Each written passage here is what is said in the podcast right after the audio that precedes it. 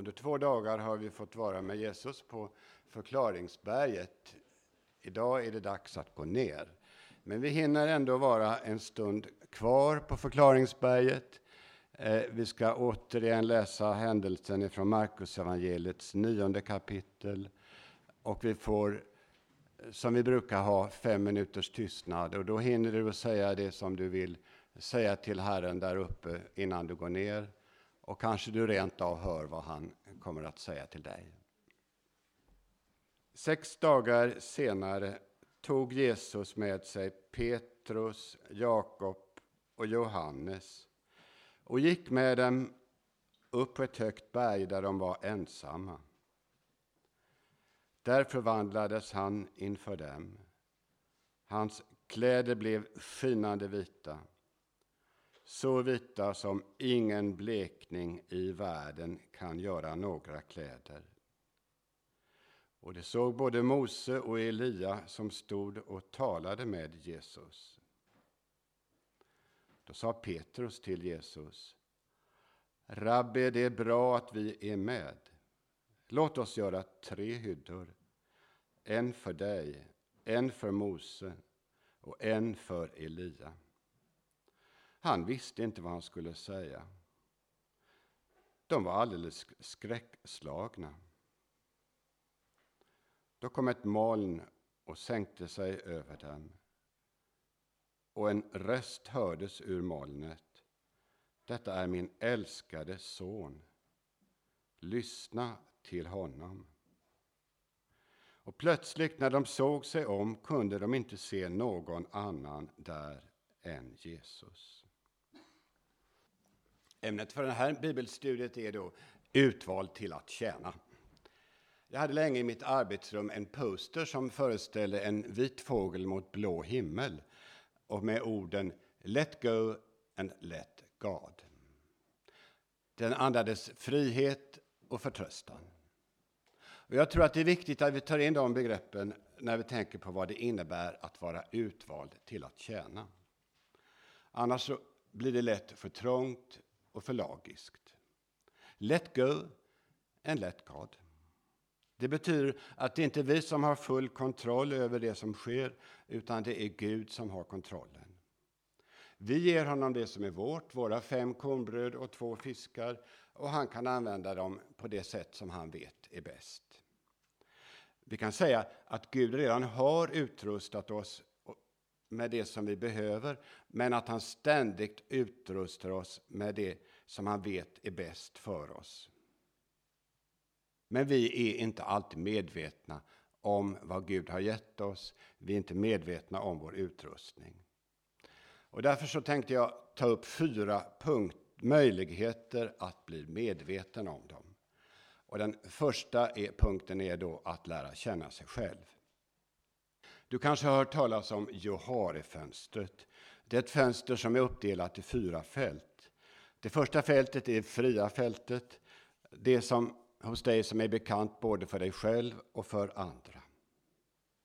Det andra fältet är det blinda fältet, inte bekant för dig själv, men någonting som andra vet om. Det tredje fältet är det dolda fältet, bekant för dig själv, men inte för andra. Och det fjärde fältet är det okända fältet, obekant både för dig själv och för andra. Att bli bekant med alla de här fyra fälten är ett sätt att bättre kunna tjäna med det som finns i vår natur. Det är därför som det är så viktigt att vi ber att Gud om att han uppenbarar för oss djupen i vår personlighet, precis som han har uppenbarat djupen i sin egen personlighet. Det är därför som det är så viktigt att vi hjälper varandra med det som vi har svårt för att upptäcka hos oss själva, men också med det som vi har svårt för att stå ut med hos oss själva. Här behöver vi också själavård, enskild och kamratsjälavård naturligtvis. Den andra punkten är om möjligt ännu svårare. Den handlar om att acceptera sig själv sådana vi är. Att acceptera oss själva sådana vi är. Många av oss har väldigt stort motstånd emot det här och eh, jag, jag vill eh, därför ta det hela lite bakvägen, för det här är ju väldigt lätt att säga och fruktansvärt svårt att göra. För vägen till accepterande är en lång väg. Eh, men det är bara när du har accepterat någonting som du kan förändra det. Så det är därför som vi behöver lära oss att kunna acceptera oss själva. Hindren är då att vi förnekar. Vi förnekar att det överhuvudtaget finns en problematik som eh, vi har i våra liv. Och det kan vi ju ha, den förnekande, i stort sett kanske hela vårt liv.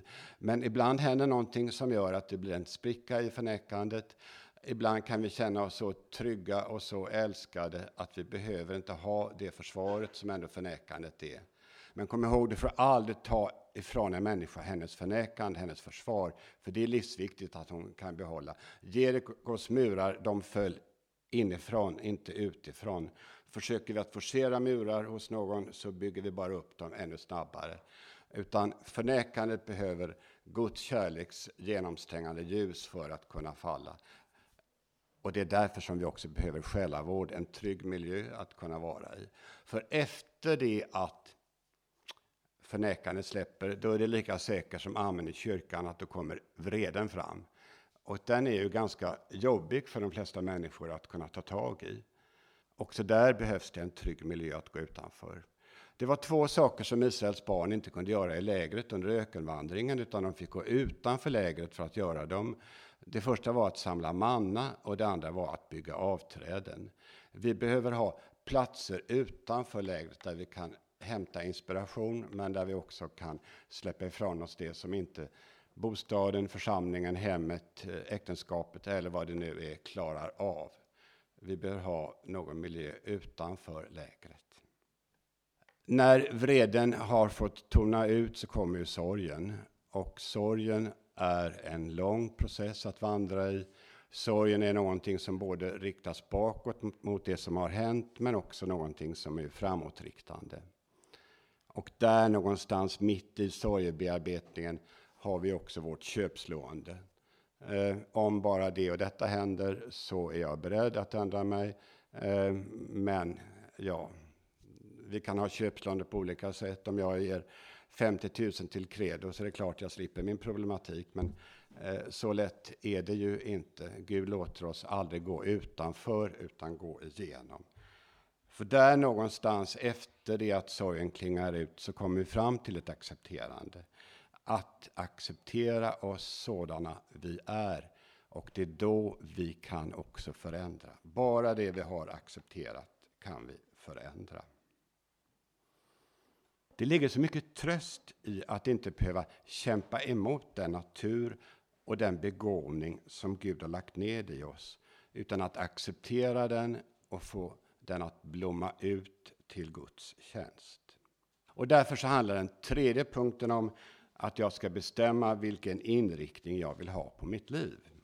Hur vill jag att de gåvor som Gud har lagt ned i mig ska användas? Vi tror ofta att kallelsen måste komma utifrån, ifrån andra människor eller institutioner. Men Gud kallar oss lika ofta genom de gåvor som han har lagt ned i oss. Gud är den som verkar i oss både vilja och gärning för att hans goda vilja ska ske, stod det i den gamla översättningen. Och den nya har det, ty det är Gud som verkar i oss så att vi både i vilja och gärning förverkligar hans syfte. Filipperbrevet 2 och 13. Gåvorna hos oss vill bli använda och när de blir använda så ger de oss samtidigt stor glädje. Jag tänker ibland på Psaltarpsalmen 4 och 8 när det står Av dig har jag fått en större glädje än de som fått korn och vin i mängd. Den glädjen ger Gud oss när vi går in i den kallelse som är vår. Den fjärde punkten till sist det är att leva ett liv i tillämpad kärlek. Ingen kan leva ut sina gåvor bara på ett själviskt sätt. Det blir aldrig någon välsignelse utav det. Utan välsignelse blir det när andra får nytta av dem. Innan jag repeterar det här så kan vi stanna inför en lovsägelse till Guds välsignelse. Förundra dig över Guds välsignelse. Så planlagd in i minsta detalj. Så fri och samtidigt så fast. Så sträng och så barmhärtig. Guds välsignelse föder glädje i hjärtat, som när man blir mättad i hunger, som man blir tillfredsställd i brist, som ljus får mörkret att ge sig. Så är jag då till som Gud vill. Säg ja till din integritet och till din tillhörighet och kommunicerbarhet. För Gud vill tala med dig och tänka med dig, leka med dig och lära dig, vara din allra bästa vän och din förlossare av evighet. Lovad vare du, Gud. Alltså, det jag nu har beskrivit, det, det är på andlig vägledningsspråk så är det trösten i våra liv. Detta är den himmelska trösten. Att vi lär känna oss själva, att vi accepterar oss själva sådana vi är, att vi bestämmer hur mitt liv ska riktas in och att leva ett liv i tillämpad kärlek. Innan du gör någonting, gör ingenting.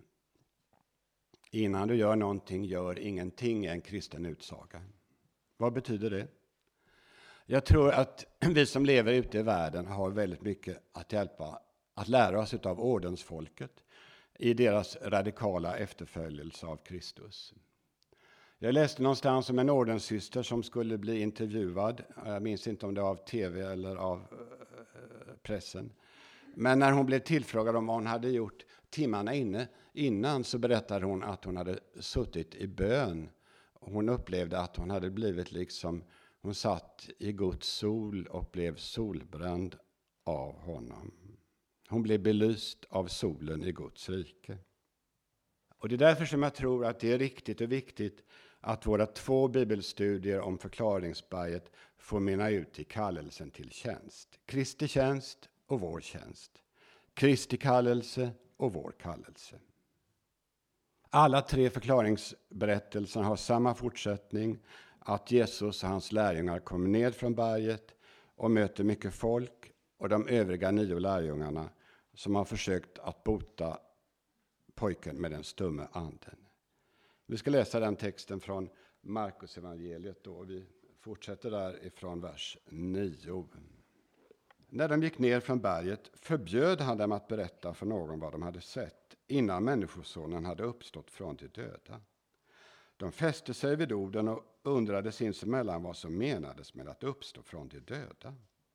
Och de frågade honom, varför säger de skriftlärda att Elia först måste komma? Han svarade, visst kommer Elia först och återställer allt. Men varför står det då skrivet att Människosonen ska lida mycket och bli föraktad?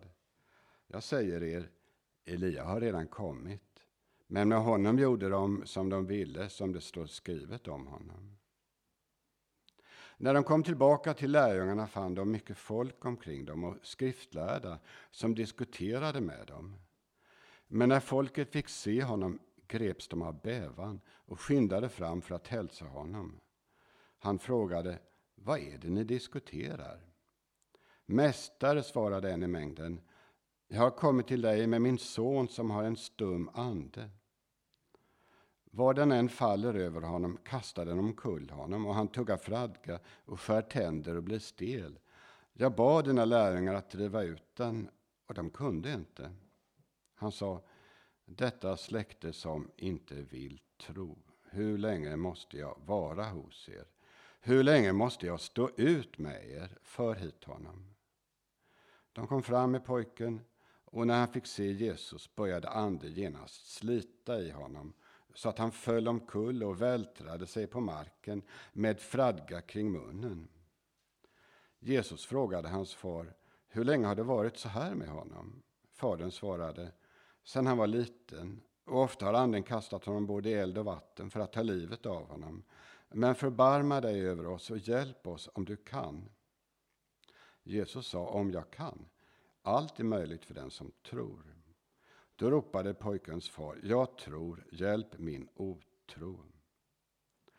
När Jesus såg att folk strömmade till sa han strängt till den orena anden, du stumma och döva ande, jag befaller dig, far ut ur honom och kom aldrig mer tillbaka. Den gav till ett skrik och ryckte och slet i pojken och for så ut ur honom. Och pojken låg där så livlös att alla sa att han var död. Men Jesus tog hans hand och reste honom upp och han steg upp. När Jesus hade kommit hem och lärjungarna var ensamma med honom frågade de varför kunde inte vi driva ut den? Han svarade den sorten kan bara drivas ut med bön. Sedan gick de därifrån och vandrade genom Galileen. Han ville inte att det skulle bli känt eftersom han höll på att undervisa sina lärjungar. Han sa, Människosonen skall överlämnas i människors händer och de kommer att döda honom och tre dagar efter sin död skall han uppstå. Men de förstod inte vad han menade och vågade inte fråga. Jag började genomgången av den här texten med att ta fram de två viktiga orden i våra liv som är både och. Att leva är aldrig fråga om antingen eller, utan alltid om både och. Att leva är både att vara på förklaringsberg med Jesus och att komma till jobbiga, trassliga, medmänskliga förhållanden som vi inte har en aning om hur de ska redas ut. Att leva är både natt och dag, både sorg och glädje, arbete och vila. När någonting som i sig är bra tar överhanden och blir det allt överskuggande i våra liv blir det väldigt lätt så att vi hamnar i synden istället för i nåden. Enbart arbete kan leda till utmattningssyndrom. Enbart sysslolöshet, att vi lever under vår bestämmelse. För mig är Maria, Marta och Lazarus inte bara tre personer utan de är också tre sidor av varje människas personlighet. Maria är den som lyssnar på Jesus. Marta är den som gör något för honom. Lazarus är den som låter Jesus göra någonting för sig. Alla ska ha sin plats i våra liv. Har du tänkt på att det var för Lazarus skull som många kom till tro? Han som inte sa eller gjorde någonting i berättelsen utan var den som Jesus gjorde någonting för. Att låta Gud betjäna oss är alltså ett sätt att tjäna Gud. Vi får akta oss för att det blir aktivitetsraseri när det handlar om att tjäna. Det handlar främst om att vara den som Gud har skapat. Så alldeles underbart och ännu underbarare frälst och gett sin heliga Ande. Utifrån den du är kommer det du gör, precis som frukten kommer från trädet, precis som blomman sprider sin vällukt. I berättelsen i texten vi lyssnade till har vi ett strålande exempel på både och. När pappan säger Jag tror, hjälp min otro. Pappan var helt sann, låtsades inte vara ett dugg frommare än han var, låtsades ingenting. Och vi vet att där sanning är, där är Gud. Jesus sa, jag är vägen, sanningen och livet. Allt som är sant har med Gud att göra, hur den sanningen än ser ut. Här kan vi som kristna se den oerhört stora anknytningsyta som vi har med icke-troende. När de och vi talar sanning med varandra så är vi på Guds mark. Ombedd eller inte så finns ändå Gud där. Vi kan gå ytterligare ett steg tillbaka och säga att eftersom Gud har skapat varje människa så finns han hos var och en av sina skapade varelser. Vi kan alltid upptäcka Gud hos varandra. Då kan det också vara bra att veta att vi som har en medveten tro på Gud, vi har en omedveten otro på honom. Och att de som har en medveten otro på Gud, de har en omedveten tro på honom eftersom det omedvetna alltid är motsatt till det medvetna. Jesus hade det inte lätt i vår berättelse. Vi kan höra stönandet i hans röst. Detta släkte som inte vill tro. Hur länge måste jag stå ut med er, ni som inte vill tro? Är det alltså så enkelt att den som vill tro gör det, även om han eller hon inte känner någonting? Ja, så enkelt är det. Men varför vill då människor inte tro? Är det för att de kommer in i en ansvarsrelation till någon som är intresserad av hur de lever sina liv? Eller är det så att de inte klarar av kärleken från någon som älskar dem villkorslöst, precis sådana de är? Det kanske kan vara så att många har blivit så skadade av det som de upplevt av mänsklig kärlek att de inte vågar ge sig åt Guds kärlek. De tror att Guds kärlek är likadan som den avart av kärlek som de har mött i sina liv. Därför behöver varje människa få göra en egen, alldeles personlig erfarenhet av hur mycket Gud älskar henne. Och vi är kallade att föra ut den kärleken i världen. Inte stå i vägen för den, inte stå mellan Gud och hans skapade varelser, utan vara bredvid den som söker och längtar efter Gud. Om du kan se Kristus hos varje människa du möter så gör du lättare för dem att kunna se Kristus när han själv kommer dem till mötes. Och här kan vi ta till oss orden allt är möjligt för den som tror. Och vi kan jämställa dem med orden för Gud är allting möjligt. Jesus är den som tror till hundra procent. Han tror och litar på sin himmelske far.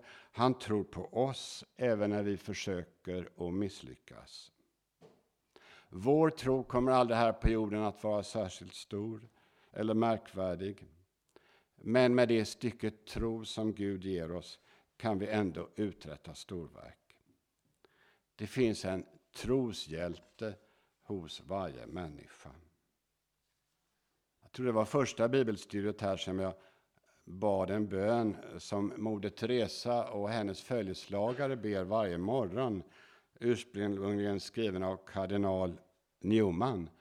Och jag tänkte vi kunde ta en paus i utläggningen här genom att be den tillsammans.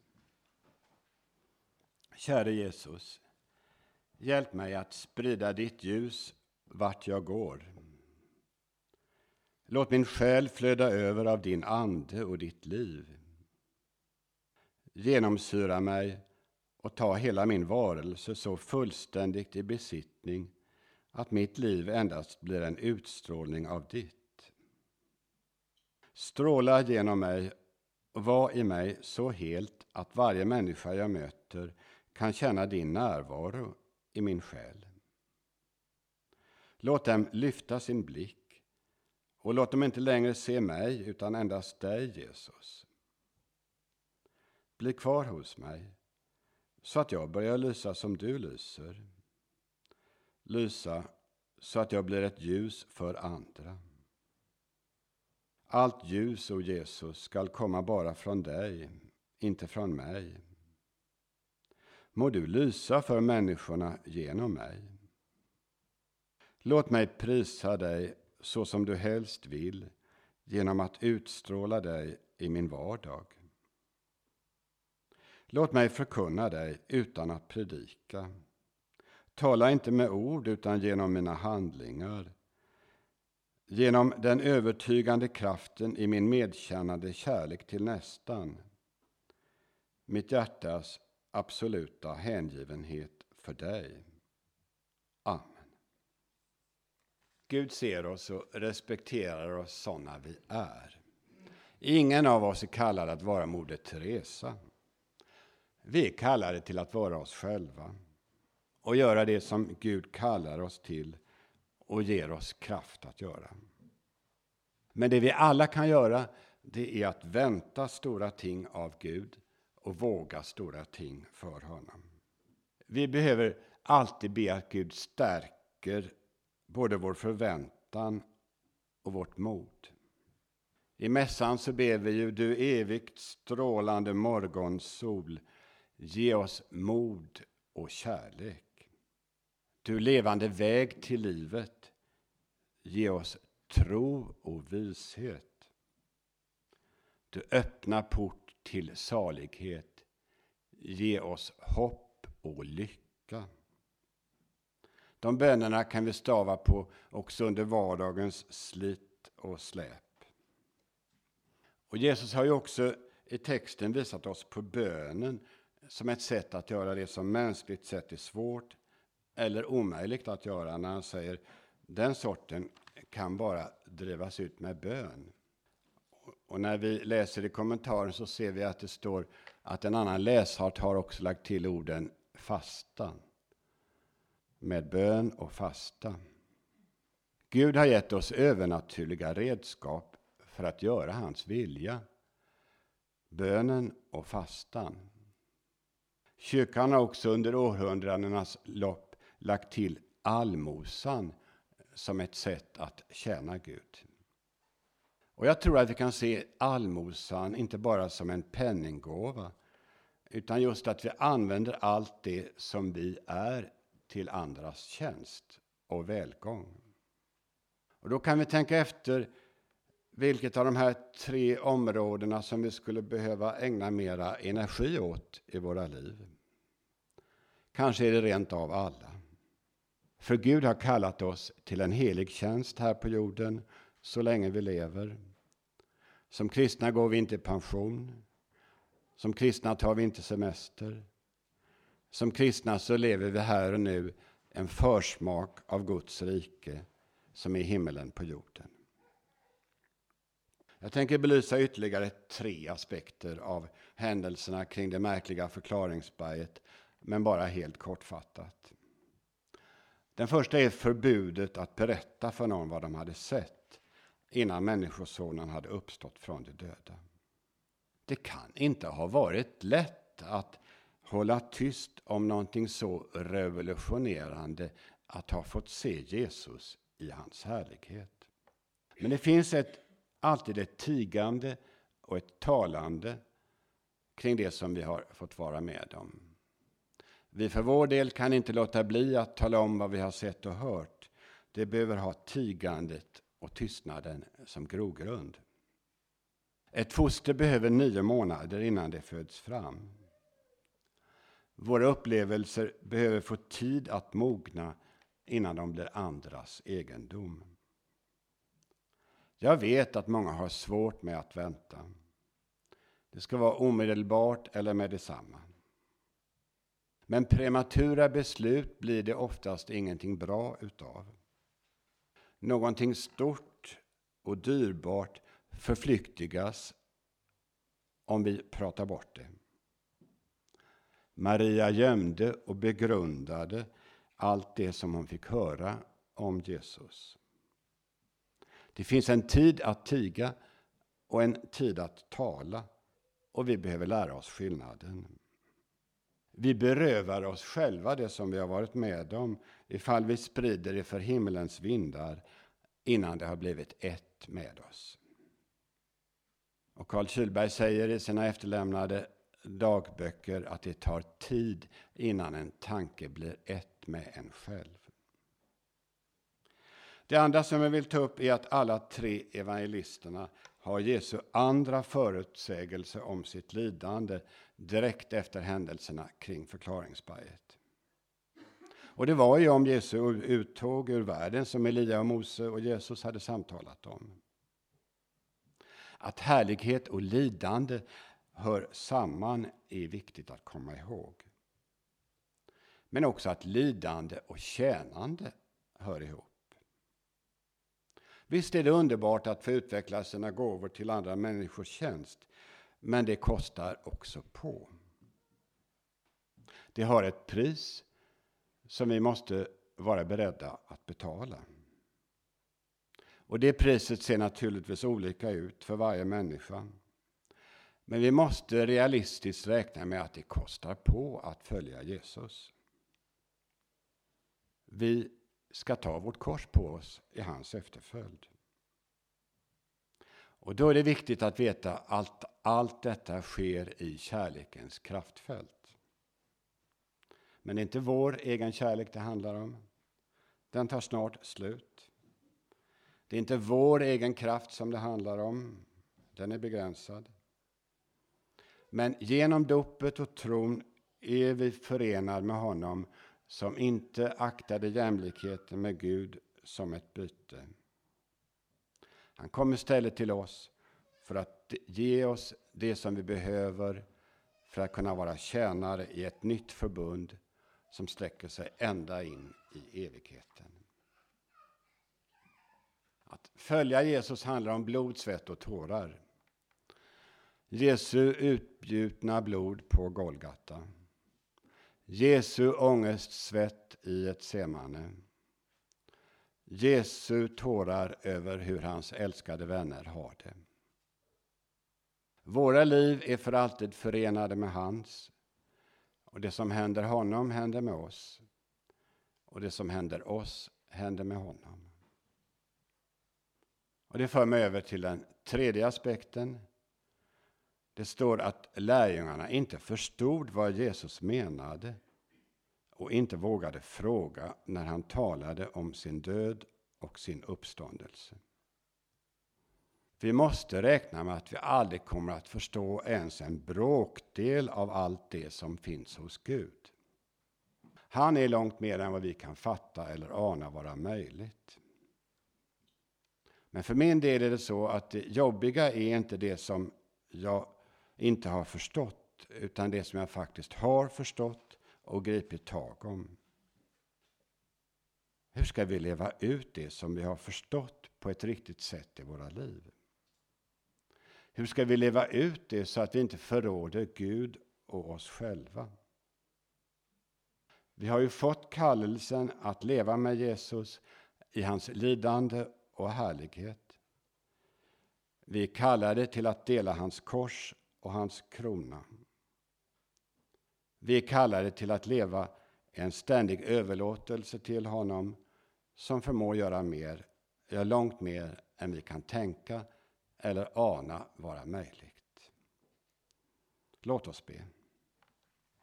Tag, Herre, och mottag all min frihet, mitt minne, mitt förstånd och all min vilja. Allt vad jag äger och har. Allt jag har är ditt, ty du har gett mig det. Till dig ger jag det åter. Ta mig, Herre, och gör vad du vill med mig. Ge mig endast din kärlek och din nåd, ty det är mig nog. Amen. När jag förberedde det här så funderade jag på, eftersom jag visste att sista gången inte skulle vara så lång som de andra, om vi skulle ha någon form av allmän frågestund. Eh, ja, vi ska inte ha det. Eh, vi har funnit på retriterna att eh, vi är så väldigt olika i det som Gud har visat oss under dagarna, att eh, liksom våra frågor är så personliga att, att vi ska inte ta upp dem i storgrupp. Men ni är jättevälkomna till att, att eh, gripa tag i mig om det är någonting sådär som eh, sitter fast, kanske som en tagg eller som någonting annat i det som jag har sagt, så bara gå på mig. Tack för det här.